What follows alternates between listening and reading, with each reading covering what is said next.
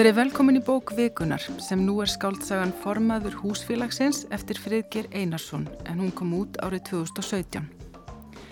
Aðalpersonan í formanni húsfélagsins sem jafnframtir sögumæði bókarinnar flytur tímabundið í blokkar í búð sýstu sinnar til að koma aftur undir sér fótunum eftir einhvers konar skipbrott, sambandslit, atvinnuleysi og að því er veriðist andleg veikindi að minnstakosti þarf hann reglulega taka lifin sín.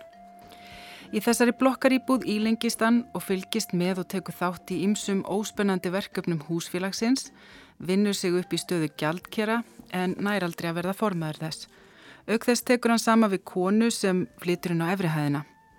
Árin líða og þótt ímislegt gerist, hann fái vinnu þau eignist batn og hann útskrifist úr læknistmeðfersinni, þá verðist tilvílar hans áfram einstaklega óáhugaverð og viðbyrjastnöð. Kanski er hún þó fyrst og fremst vennjuleg og hans hæfileiki einmitt sá að segja jamt frá hverstagslegum hlutum og minna hverstagslegum á þann hátt að þeir virðast bæði framandlegir og leiðinlegir. Við skulum heyra dæmi snemmur bókinni á meðan aðalpersonan er að kynnast nýja hverfinu sínu. Skamt frá blokkinni er lítill veslunarkjarni sem heitir eftir hverfinu. Þar eru bakari, efnalög, kjörbúð og dansskóli sem líka heitir eftir hverfinu. Hverfið heitir eftir bóndabæ sem stóð um það byl þar sem heilsugjæslistöðin stendur núna. Í veslunarkjarnanum er líka fiskbúð en hún er aldrei opinn. Ljósin eru aldrei kveikt og það er aldrei að sjá að það sé fiskur í borðinu. Sjálfsagt er hún farin á hausin. Ég fer stundum í bakaríð og fæ með kaffi og smurt rúnstykki. Það er ágætt að sitja ennum fólk brot úr degi þó ég hafi ekki áhuga á að tala við neitt. Ég á það til að klukki blöðin en fréttirna sem ég les er að mestuleiti þær sömu og ég hef heyrt í útarpinu. Mér finnst það ekki beinleins komað mér við. Oftast tekið fram síman minn og skoði eitthvað í honum. Það gera hérna viðskiptavinnir bakarísins líka. Hér las Davíð Kjartan Gjestsson úr bókvikunar formanni húsfélagsins. Gesti mínir eru Gunnildur Jónatansdóttir, Ríðlistanemi og Ásta Gísladóttir, bókmyndafræðingur. Verið velkomnar. Sæl. Takk. Um, í þessari bók þá getur farið jafn mikil eða meiri orka í að lýsa þeirri aðturna að kaupa kaffi og brauð í bakari en að lýsa til dæmis til dröm ástasambands eða basfæðingu. Það er alltaf einhver fjarlæð millir sögumansins og umheimsins og frásögnans af atbyrðum eða atbyrðarleysi er alltaf svona undarlega tilfinningasnöð eða næstum alltaf. Það er mikið um upptalingar. Í þessu dæmi sem við heyrðum var verið að tella upp búðir í vestlunarmiðstöð og öðrum stað þýlu sögumæðurinn upp allar tegundur af brauði sem blasa við honum í búðinni. Þetta er svolítið leðilegt en það getur líka verið fyndið. Um, ég þurfti reyndar að komast svolítið langt inn í bókina ára en ég fór að segja húmórin í henni. Hvað með þig ástað til dæmis? Hvernig virkaði þessi grámorskili hverstaður á þig? Já, það var kannski bara svolítið fyndið hvað hann var kunnulegur og maður maður stóð sér svolítið ofta að ég hugsa, já, ok, já, ég, nei, ég kannast mjög vel við þetta, já, ég hef verið í þessum aðstæðum, já, ég veit þetta, þetta er nákvæmlega svona, mm -hmm. hann er að, jú, jú, það, og þegar þú búin að, eftir svona ákveðin, ákveðin punkt, þá fer þetta að verða svolítið svona, þá er maður svolítið að hlæja sjálfum sér, sko, og maður er kannski svolítið að þið líka. Þessi einstaklingur, hann er kannski ekki, ég er ekki að segja, ég sjáu mig benlis í honum, En hvernig hann lýsir sínum aðstæðum og sínum samferðafólki og bara svona, þessu svona venjulega, hverstagslega borgarlífi, það er allt saman mjög kunnulegt og eitthvað sem maður þekkir og, og hérna þegar maður er svolítið svona, fær þetta svolítið tilbaka í andliti þá verður oft svolítið fyndið, þá getur maður að fara að hlæja sjálfum sér. Mm.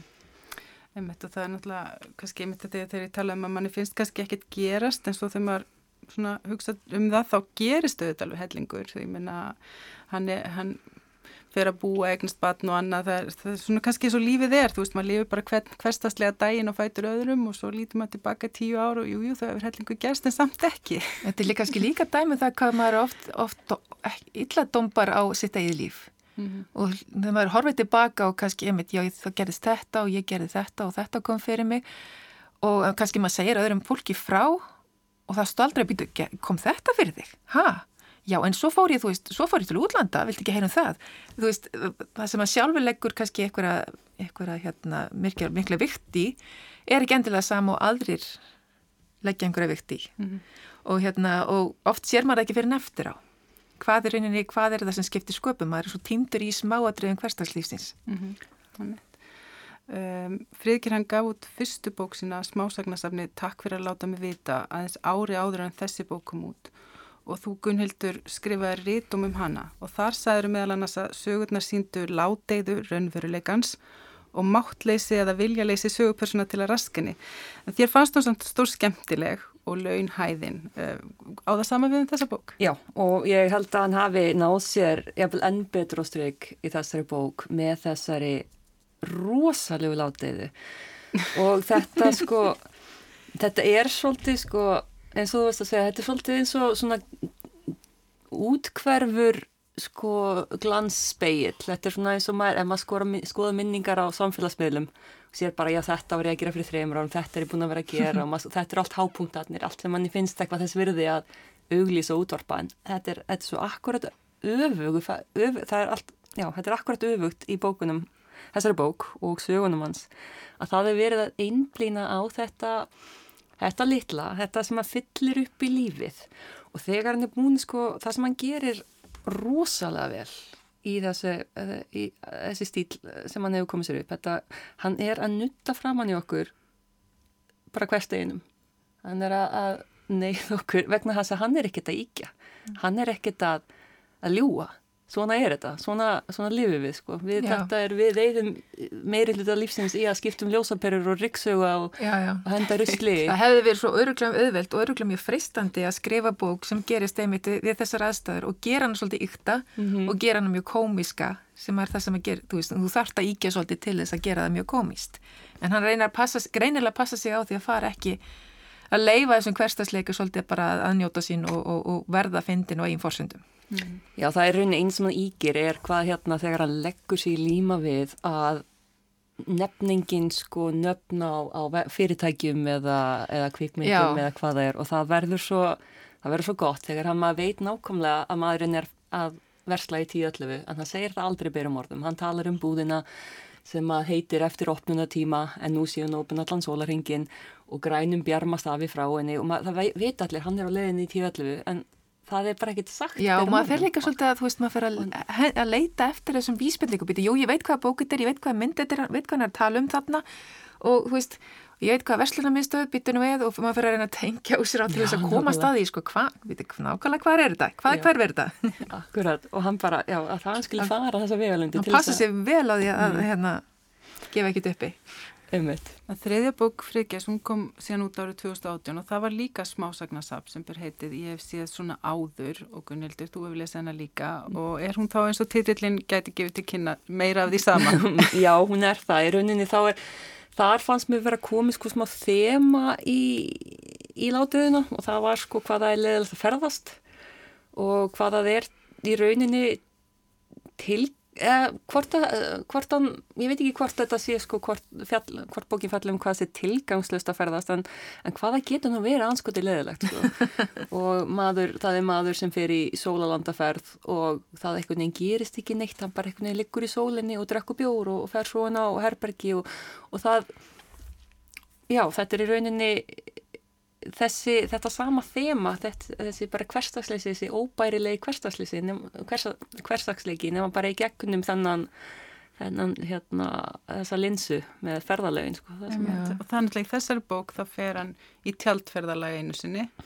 Já, og það er einmitt það, það, er svona, það, það, það virkar allavega ekki gaman en vísingin er afskaplega hlutlaus. En það er þetta með það er pakkað öllu tjaldinu og öllu inn í bíl og keirt og svo er öllu pakkað út og tjaldað og sofið og svo er pakkaða niður í bílinn aftur og þetta, þetta virkar alveg óbóðslega bana. Hann er alltaf býð eftir að fá klappa baki fyrir að hafa kæft gott tjald. Já. Já.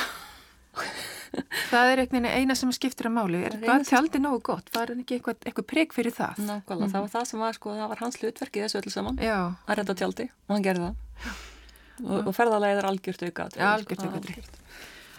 Og svo ef við tölum áfram um fleiri verk friðgjast, þá hefur hann líka skrifað tvö leikrit. Þú hefur líka séð þau að ekki kunni. Jú, er núna, það er núna held ég ennþá í síningum í borgarleikusinu, Club Romantica, sem er svona hægt að kalla hann einleik. Þeir eru svona, þeir eru tver á sviði og hérna fjallarum eh, byggt á sannsuglegum atbyrðum þar sem hann fann, hann friðgjars fann víst um, ljósmyndaalbum á flóamarkaði í Belgíu og ákveður að reyna að hafa upp á eiganda sko um, albúmana og þetta er hérna þetta er mjög skemmtilegt, ótrúlega hvað hann getur gert sér mat úr þessu efni, sko, gert heilt leikrit úr, úr þessu leit, leit að eiganda albúmana. Mm -hmm. Svo var hann, svo var hérna, þetta var um veturinn 2016 held ég að það verið þegar að, að leikópur hans Kryðpleir var með leikritið æfisaga einhvers í tjarnarbíjói og ég held að hérna formaður húsfélagsins hljóta að vera byggt að einhverju leiti að það hafi verið komna fram einhverju hugmyndir mm -hmm í, í því leikriti að bókinni uh, vegna þess að það er einmitt eitt karakterana er formaður húsfélagsins. Mm -hmm. og uh, já. En, en þeir voru líka með það var líka uh, útarsleikrit þegar þeir voru með sem að ég held að sé enda aðgengilegt á, á neytinu sem hétt bónusferðin sem að það voru kriðpleir voru með útarsleikrit þar. Og þá fjallaði mitt um mann sem að fær það verkefni að keira um landið og eftir jól fara í bónusbúðir og sækja bækur eftir, eftir jólabókaflóðið. Og já, svo ég segi það er alveg stórmerkilegt hvað hægt er að gera sér matúr matúr svona fórsendum sko Einmitt. Ég sagði hérna að það tekið mér svolítið tíma að finna húmórin í bókinni. Kannski einmitt þetta eins og það er ástað með að uh, hverstafurinn svona færa að njóta sín og eigin fórsendum að það svona komast inn í þetta til þess að einhvern veginn átta sig á húmórnum. En, en um leið fekk ég líka einhvern veginn meira og meira tilfinningum eh, svona að það gæti líka verið einhvers konar óhugnaður uh, undirlikjandi í þessu, svona, þessu sjónarhóttni sögumansist það er svo tilfinningalítið og hlutlaust.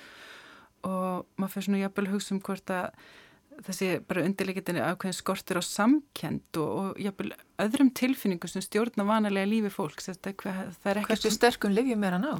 Já, einmitt. Og það slæri mann kannski fyrst í senu þar sem sögumæðurinn ákveður allt í að vera hreinskilin við konuna sína um það að hann hafi engan áhuga á draumförumennar og Gauti Krismason hann talaði um þetta í rítomi í Viðsjá á sínum tíma. Og þessi uh, kapli úr bókinni, hann er svona uh, hlutafanum, ég hef engan áhuga á því sem þig dreymir, segi ég. Mér er alveg sama. Það sem þú serði höfðin á þér þegar þú ert sofandi skiptir mig engu máli. Það væri betra að þú myndi velja eitthvað aðalatriði, segi ég, eða eitthvað sem hefur sérstakka þýðingu fyrir mig. En þegar þú lætur dæluna ganga og rekur hvert einasta smáatriði er það gjörsamlega óbærilegt. Og um þetta segir Gauti Kristmansson að eftir 150 síðina viðkynni við þennan litlösa mann rekkum maður í kút og allt í hennu fær personan aðrar og ískikilegri vittir. Er þetta sinnu og skoðanaleysi kannski af öðrum rótum runnið en lítilfjörlegum karakter og geðlefi að nýslu? Og hann tala líka um að þetta sé svona afdráttarlög skrimt sem hann sínir sem gæti vist úr karakter og stemmi ekki við vandlega uppiða personu undanfarina síðna en hann segir það er reyndar ekki rétt. Hann setur þetta fram á þann hlutlaust óvægna hátt sem hæfir karakternum en það heldur hann afar kurtislega áfram þegar konan þeir og segir ég veit að það er ekki fallit af mér að segja þetta og mér þykir leitt að þurfa að særa þig en ég held að það sé best að ég sé heiðalegu með þetta upp á framtíðan að gera. Ég tek aftur upp skeiðin og held áfram að borða hafragröti minn. Fyrir gefðu segi ég Þetta var þess að brot úr uh, bókinni Formaður húsfélagsins og um, það var bókmyndafræðingurinn Gauti Kristmansson sem að taldi að þetta lísti svona óhugnaðinum sem stundum gæjist fram undan annars lignu yfirborðið bókarinnar. Hvað segir þið ástákunildur? Getur við eitthvað sálgreint sögumannin svona ótrúðið hvað kemur fram? Er eitthvað svona meira sem að býrað baki þarna? Sko í fyrstlega finnst mér frekar sko kom úr hörðust átt að hann sé að saka um að láta dæluna ganga um ómyrkileg smáatrið vegna þess að það er þessi bóki hildsinni. Ég held að ég var einmitt auðvitað saman vegna þess að það, þú veist, þannig að ég, það búið erfitt að lesta öðru sem brjálega slag írónist að þú veist, þarna sé svolítið kannski verið höfundur að pota svolítið í, í, í þennan einstakling. Að hann, geti, hann, hann, hann er svo blindur á það að hann er hérna, rauninni er segur um, um sambarlega hluti. Mm -hmm.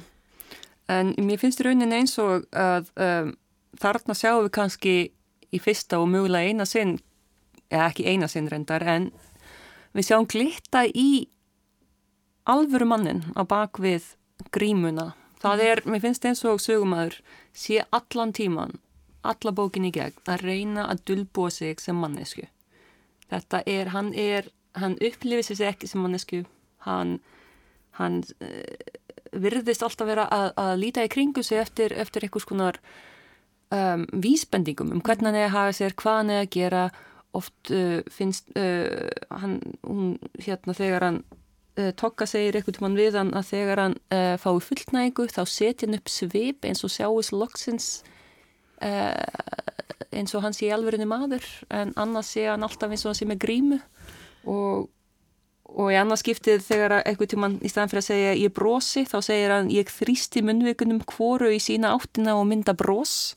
Og þetta, þetta hljómar hljóma eins og velmenni sem er að reyna að læra ja. hvernig hann var að vera maður. Ég upplýði þetta líka alveg strax frá fyrstu blæsju þegar hann er að flytja inn og maður, hann er ekki í tengslu við neitt, það er enginn að hjálpa hann að flytja við vitum ekki hvað hann heitir hann er ekkit að minnast á hvaðan hann kom og hefum engar sko, það er engar persónlega, engar tilfinningileg tengsl við neitt af því sem hann er að flytja inn, flytja inn í þessa íbúð og þá fór maður svolítið að hugsa að þú veist, hann virkaði með svolítið eins og geimverðas eða eitthvað, mm -hmm. eða robóti eitthvað sem væri þú veist líka eftir mannlegu, mannleguru personu en síðan þegar hann kemur inn í þetta umhverfi og inn í þetta hús þá er eins og hann sko hann líkir sko, hann, hann hérna þegar hann er á ferðalæginu með konni þá, og þau farað þarna á, hvað ætlaði ekki, Látrabjörg og hann er að, hann er að samsamið þar með svolítið með fugglónum að þú veist, þeir eru allir með sitt samfélag eins og lilla blokk þarna í, í berginu. Og hann svona samsama sig þeim. Og það eru allir með sína sillu og hann er búin að finna sér sína sillu þarna í, í, í fjölbilshúsinu mm -hmm og þar er svona gott að vera. Og það er bara, hann greinilega svolítið svona og hér get ég, hér get ég eftir með að vera maður. Nákvæmlega, hann leitar sér að hlutverkum. Þá svo hann getur skilgrend sig. Eins og til dæmis fyrir ferralagi, það var maðurinn sem að kipti tjald. Já. og það er bara, nú er það, hann er búin að skilgrenda sig í gegnum ferralagi, ég er maðurinn Já, sem kipti tjald Þegar hann fær verkefni, þá bara vinnur hann það verkefni þángar til hann þarf ekki vinna það lengur. Nákvæmlega. Eins og þegar, þegar hérna, nágrannin beðan um að líta, líta þess með íbúin kannski kveikja ljósin og svona. Mm -hmm. hann tekur það hlutur mjög alvarlega. Svo alvarlega að hann, hann þegar og kaupir jólatri, hann skreitir Já. hann eitir meiri tíma heima hjá þeim, heldur hann heima hjá sjálfum sér. Að svo miklu marki, að svo miklu liti að tokka kærastann hans spyr hann hvort hann sé farin að halda fram hjá sér. Já, og svo fer hann á jólunum Já. skilur hann eftir hjá fullri mömmu sinni og stingur á og fer að hérna, passa upp að sé eitthvað svona umgangur á heimilinu þannig að, að hérna, fyrirverandi eigimaður sem gæti verið að fylgjast með munur nú ekki halda En hann finnur sig svo mikið í þessu hlutverki. Hann, hann finnur sig, hann er svo gladur og hann er svo kátur að Já. hafa þarna einhver hlutverki sinna. Þetta er, þetta er klift og skorið, hann veit hvað hann á að vera að gera, það eru leiðbeiningar. Hann getur framfyllt þeim. Mm -hmm. og þetta veitur hann um ánægi að vera sagt hvað hann á að gera. Já, og, og það, hún tekur það sérstaklega frem konunans hvað, hvað, þú veist, hvað hann virkar kátur eða hvernig var það nú eitthvað neina við erum gladar en venjulega. Já, þess vegna hérna var fyrir alltaf ég veit þess vegna hérna var alltaf en, en svo frábært og líka þegar, þegar hann er búin að á 13. tekur hann niður allt skrautið með nágrununum og svo hendur hann því bara það, er aldrei minnst á það það er búin að þjóna sínu tilgangi, hann segir það. En það er aldrei minnst á það að hann hafi skreitt heimi hjá sér. Hann er ekkert að geima þetta ef hann skildi vilja skreita heima á sér það skiptir ekki máli. Skiptir ekki máli vegna þess að nú er þessi hlutverki lókið mm -hmm. og það fyrir allt á höfana þetta er bara búið og nú er næsta hlutverk. Það er einmitt, eh, einmitt eina kannski sem að einmitt annað sem að kannski veku gleðanst að því hann, er, hann fær sér hann vinnu en hann er mjög týndur einhvern veginn í þeirri vinnu. Hann veit ekkert hvert hlutverk þetta er. Nei. en hann fer að standa sér miklu betur í vinnunni þegar hérna, hann fær hlutverk sem bakgrunnsleikari á skrifstofu. Eftir það er eins og hann læri, læri. hann skilur. Þetta er sko hann, hann vinnur á skrifstofu stendur kannski ekkert svo vel. Svo far hann hlutverk sem aukuleikari bakgrunnsleikari þar sem hann á að vera að leika hans í að vinna á skrifstofu gerir það fullkomlega og eftir það virðist hann algjörlega geta eitthvað neginn fessi í sessi sem skrifstofumadur í raunveruleikunum eftir hann er búin að fá þessar sko negin... hann er færnur hann áminningu af því hann er alltaf að vinna á nætunar í, í þessum ja, upptöku sko. en, en hann er með þar, þar verðist hann virkilega að finna sig já. í þessu bakgrunns hluturki og hann er mjög góður bakgrunns og það er alveg sláandi líka þú veist þannig eftir fyrsta skipti sem hann leikur þarna einhvern mann sem er að versla í búð og vel, reyna að velja sér vöru og getur það ekki. Og á bara við bakgrunnunum og hann gera það svo vel að hann fær sérstatur hós frá leikstjórunum og svo fær hann líka hlutverk þegar hann eftir réttir að búa að ráðan í vinnunni hérna sem einhvers konar markaðsfulltrú eða fræðingur þá fara það hlutverk að sitja á fundi og meðan vera að vera að kynna nýjar auglýsingu fyrir einhverjum kúnum Fundakjöt, já. og, já, og hann á bara að sitja og vera þú veist, sitja í stólu og gera ekki neitt og hann gerir það fullkomlega og fær sérstatrós fyrir Sérstakt hrós. þannig hann er mjög góður í að vera bara svona einhver svona táknmynd í bakgrunni Akkur táknmynd mannesku Já. sem er það sem hann er.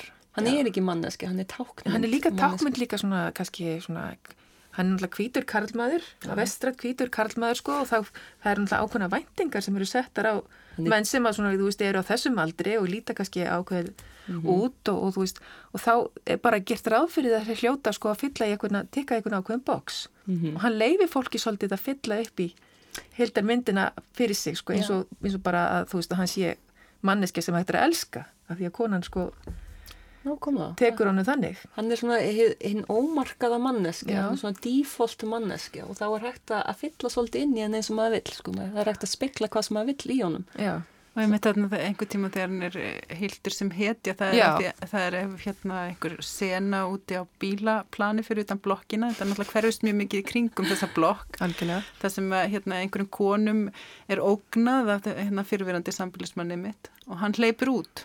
Hann gerir ekkert annað í rauninni. Nei, hann tekur viðbra, hann hugsaður um að hann ætli, ætli nátt bara ekkert að vera að skipta sér af þessu og bara setjast niður einhver starf, hann þessi búið, en veit ekki af hverju hann hleypur út. Og þegar hann, um leið og hann kemur út, þá, þá bara hættir þess, hætta þessar aðstæður, þú veist, þetta, þetta leysist upp. Hann þarf aldrei að gera nýtt. En hann fæ svo mikið hrós fyrir að hafa virkilega, þú staði með þeim og gert sitt. Og Og bara bjarga þeim Bjarga sko, Já, líka við. En svo er annað sem náttúrulega næst með þessu hlutlösa sjónarhörni, það er auðvitað frásögn það sem að öllum okkur hversti er líst svona eins og utanfrá, það er þessi framandgerfing okkar daglega lífs og það sem að allt sem er venjulega og sem við tökum sem sjálfsæðan hlut verður svona svolítið, við sjáum það eiginlega í nýju ljósi eða hvað. Já, við gerum það og við, um, það er óþægilegt. Það er mjög óþægilegt ofta, ofta á tíðum sko að lesa, að lesa þessa bók vegna þess að þetta hverstagsleikin þegar hann er settur fram á þennan hátt, á þennan framandlega hátt eins og hann sé eitthvað nýtt og spennandi, þetta verður óþægilegt. Já, mér varst alveg sérstaklega óþægilegt að vera á þessum húsvöndum. Mjög. ah, já. Voru ekki, það var ekkert, veist, það var ekkert sérstakt tannig síðan að gera. Þetta var bara húsfundur eins og þeir eru.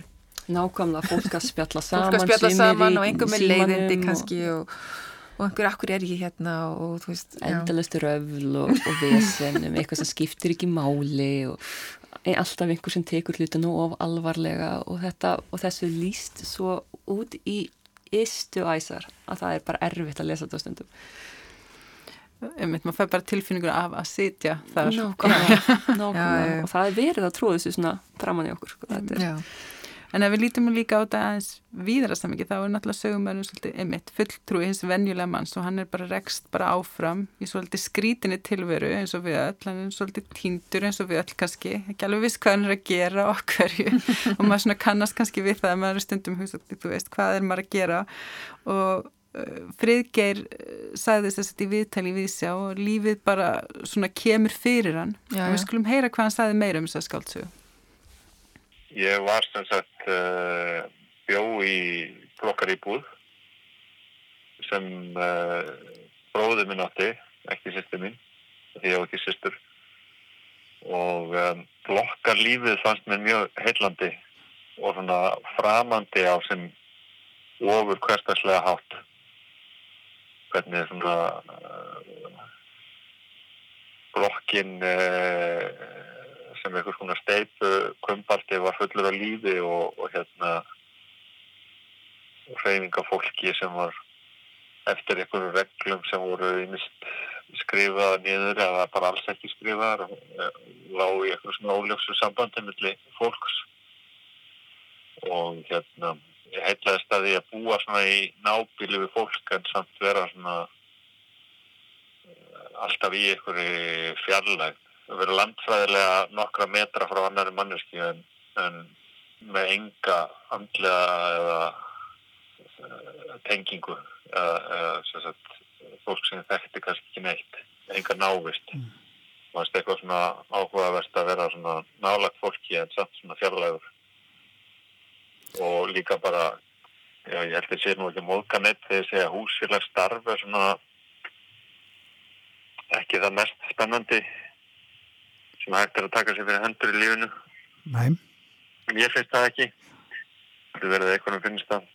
Mér var mjög áhugavert að fólk skildi taka sér fyrir hendur svona bjóða að það sjálfurlögt fram til að vera í stjórnum í svona félagum og þess að þar.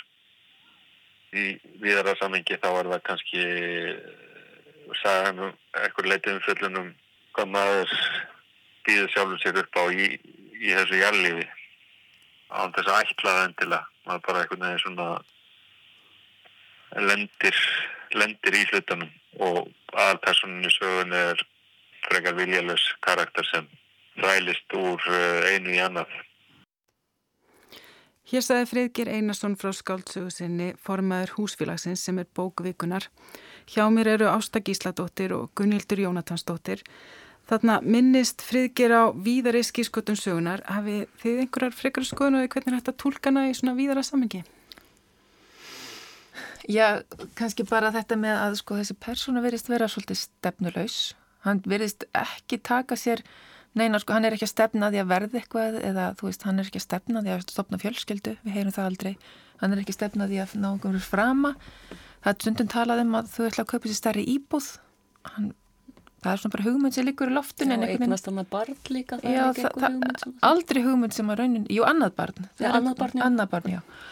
Þannig að, þú veist, og ég fór svona veltaði fyrir mig hvort að, þú veist, af því að flestir svona, flesta manneskjöru eru yfirleitt með einhverju svona markmið í sínu lífi, ég ætla að gera þetta og ég ætla að gera hitt og það verður svolítið sláandi að fá svona manneskju sko sem að greinilega ætla sér ekki neitt en verður samt að vera komin í sömu sama farveg og maður sjálfur Já, einhvern veginn lendir bara í þessum farvegi, einhvern veginn bara svona hlutinni bara koma fyrir hann og allt í einu er hann komið með bara fínt starf og, og með konu og barn og, og íbúð og þetta einhvern veginn allt þess að reyndi sko. Þannig að kannski all, allar þess að stefnumótan er maður bara einhver blekking.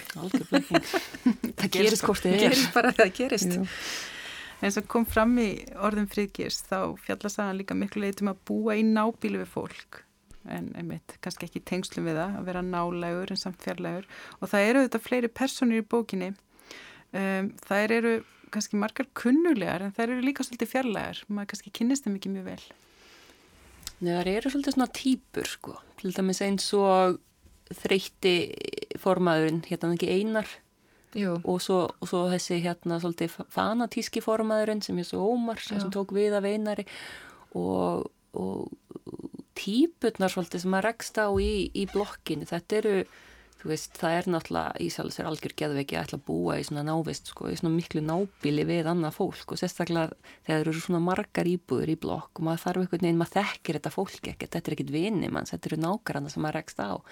Og þetta það er bara að þurfa umgangast fólk sem maður hefur ekkert samil, á ekkert samilett með og hefur ekkert að gera með en samt Samt verður það svona mikilvægur partur af lífið manns eitthvað neina. Ég er nákvæmlega miklur örlaðavaldar oft. Sko. Já, og svona manns daglega lífi, sko. Mm -hmm. Er náttúrulega hlustar á hljóðin og, og þú veist, hann náttúrulega eðir kannski fyrstu vikunum líka við bara í það að hlusta á hljóðin í blokkinni. Og... Já, þarna er blokkin líka orðið svolítið lífverð út af fyrir sig, sko. Hann mm. er, að, hann, hann er átt að sjá, sko, gangverkinu eða, eða í rauninni hvernig blokkin bara lifi, sko, hvernig, hvernig takturinn er í blokkinni, sko, hann þarf átt að sjá því fyrst áður en hann fyrir að gera nokkuð. Mm -hmm.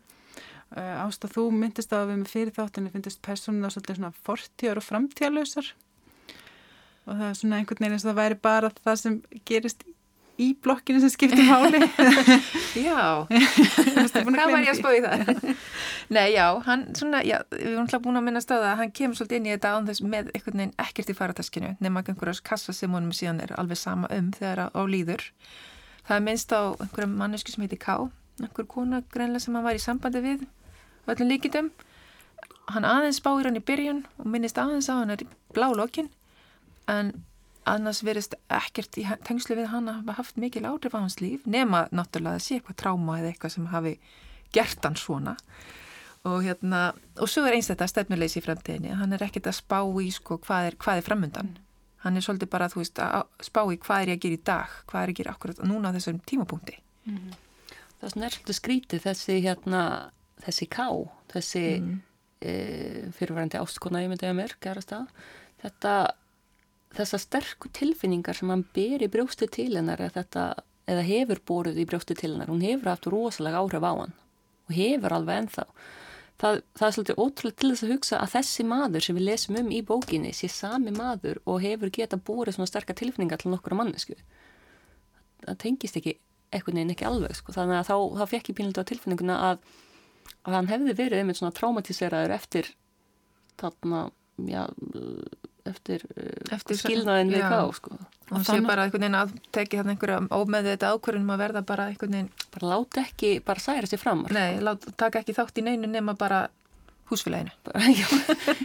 Sem var náttúrulega einmitt gengur hún svo næstuðum úr, úr greipum bara. Já. eftir öll þessi ár. Já, já, kall greið það verður aldrei formaður húsfélagsins. Það lendir aldrei á herðumanns nei, hann er samt alveg komin í stellingarni í lokin fann að skipta um perum er þessi já, fann að móka snjó. Og fann að móka snjó. Óum beðin óum beðin, ákvæmlega þetta sem hún segir með um, þessa ká að hérna, það er náttúrulega endurinn það er, hérna, bendur svolítið til þess að það sé hérna, að því að eins og segir það er minnst á hann í byrjun.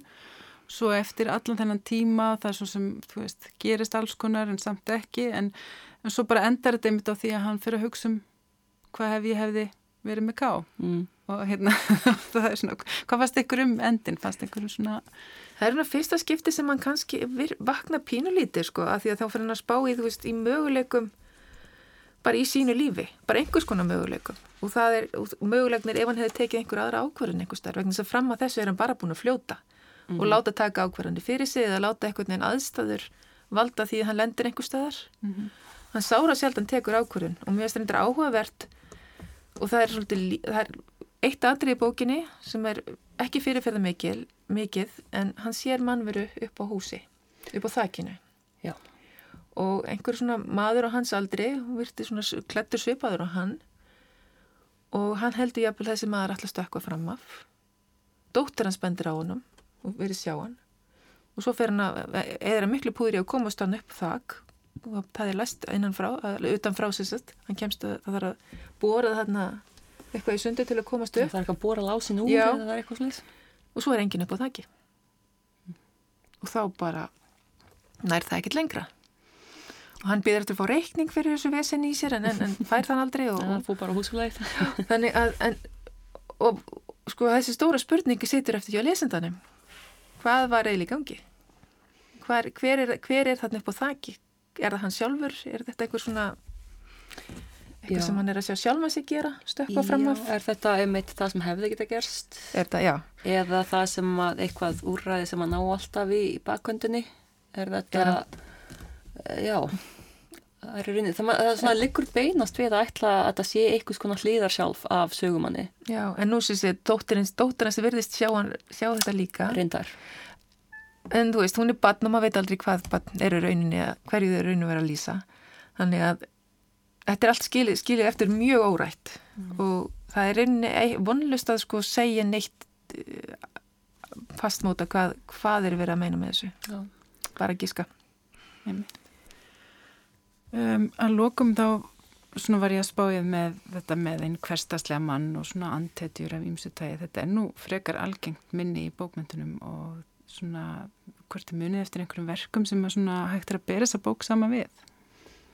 Já, með þetta í hug náttúrulega hérna hvað hétt hún aftur fram í sviðsljósið heldur hún að heita íslensku Being There eftir Jessica Kusinski Akkurat, maðurinn svona, já, maðurinn svona dettur svona lífi bara svona kemur fyrir hann. Já, hann var svona hann, er, hann var hérna gardirkjumadur sem er hérna röklast úr starfi vegna þess að, að maðurinn sem að mann hjá deyr og endar einhvern veginn endar hjá einhverjum ríku manni sem er ráðgjafi fórsita bandaríkjana og einhvern veginn eitt leiðir af öðru og, og hérna hann er rauninni bara að tala um gardin sinn og, og, og hans er gardirkjumadur og eitthvað mm. svo leiðis en allir taka allir sem hann segir sem einhverjum svakalegum vístóm, vístóm. Mm. og hann endar með því að hann er orðaður við sko fórsitaembatið í lokinu sko og hann gerir aldrei neitt Hann er bara réttum aður og réttum hann er tíma. bara réttum maður og réttum tíma og allir aðrir ídónum í aðstæðunar þannig að þetta, þetta var allan það sem kom upp í hugun hjá mér sko, þessi svona Akkurát, þetta er mjög hérna þetta er- mjög svipað sko nema, hérna,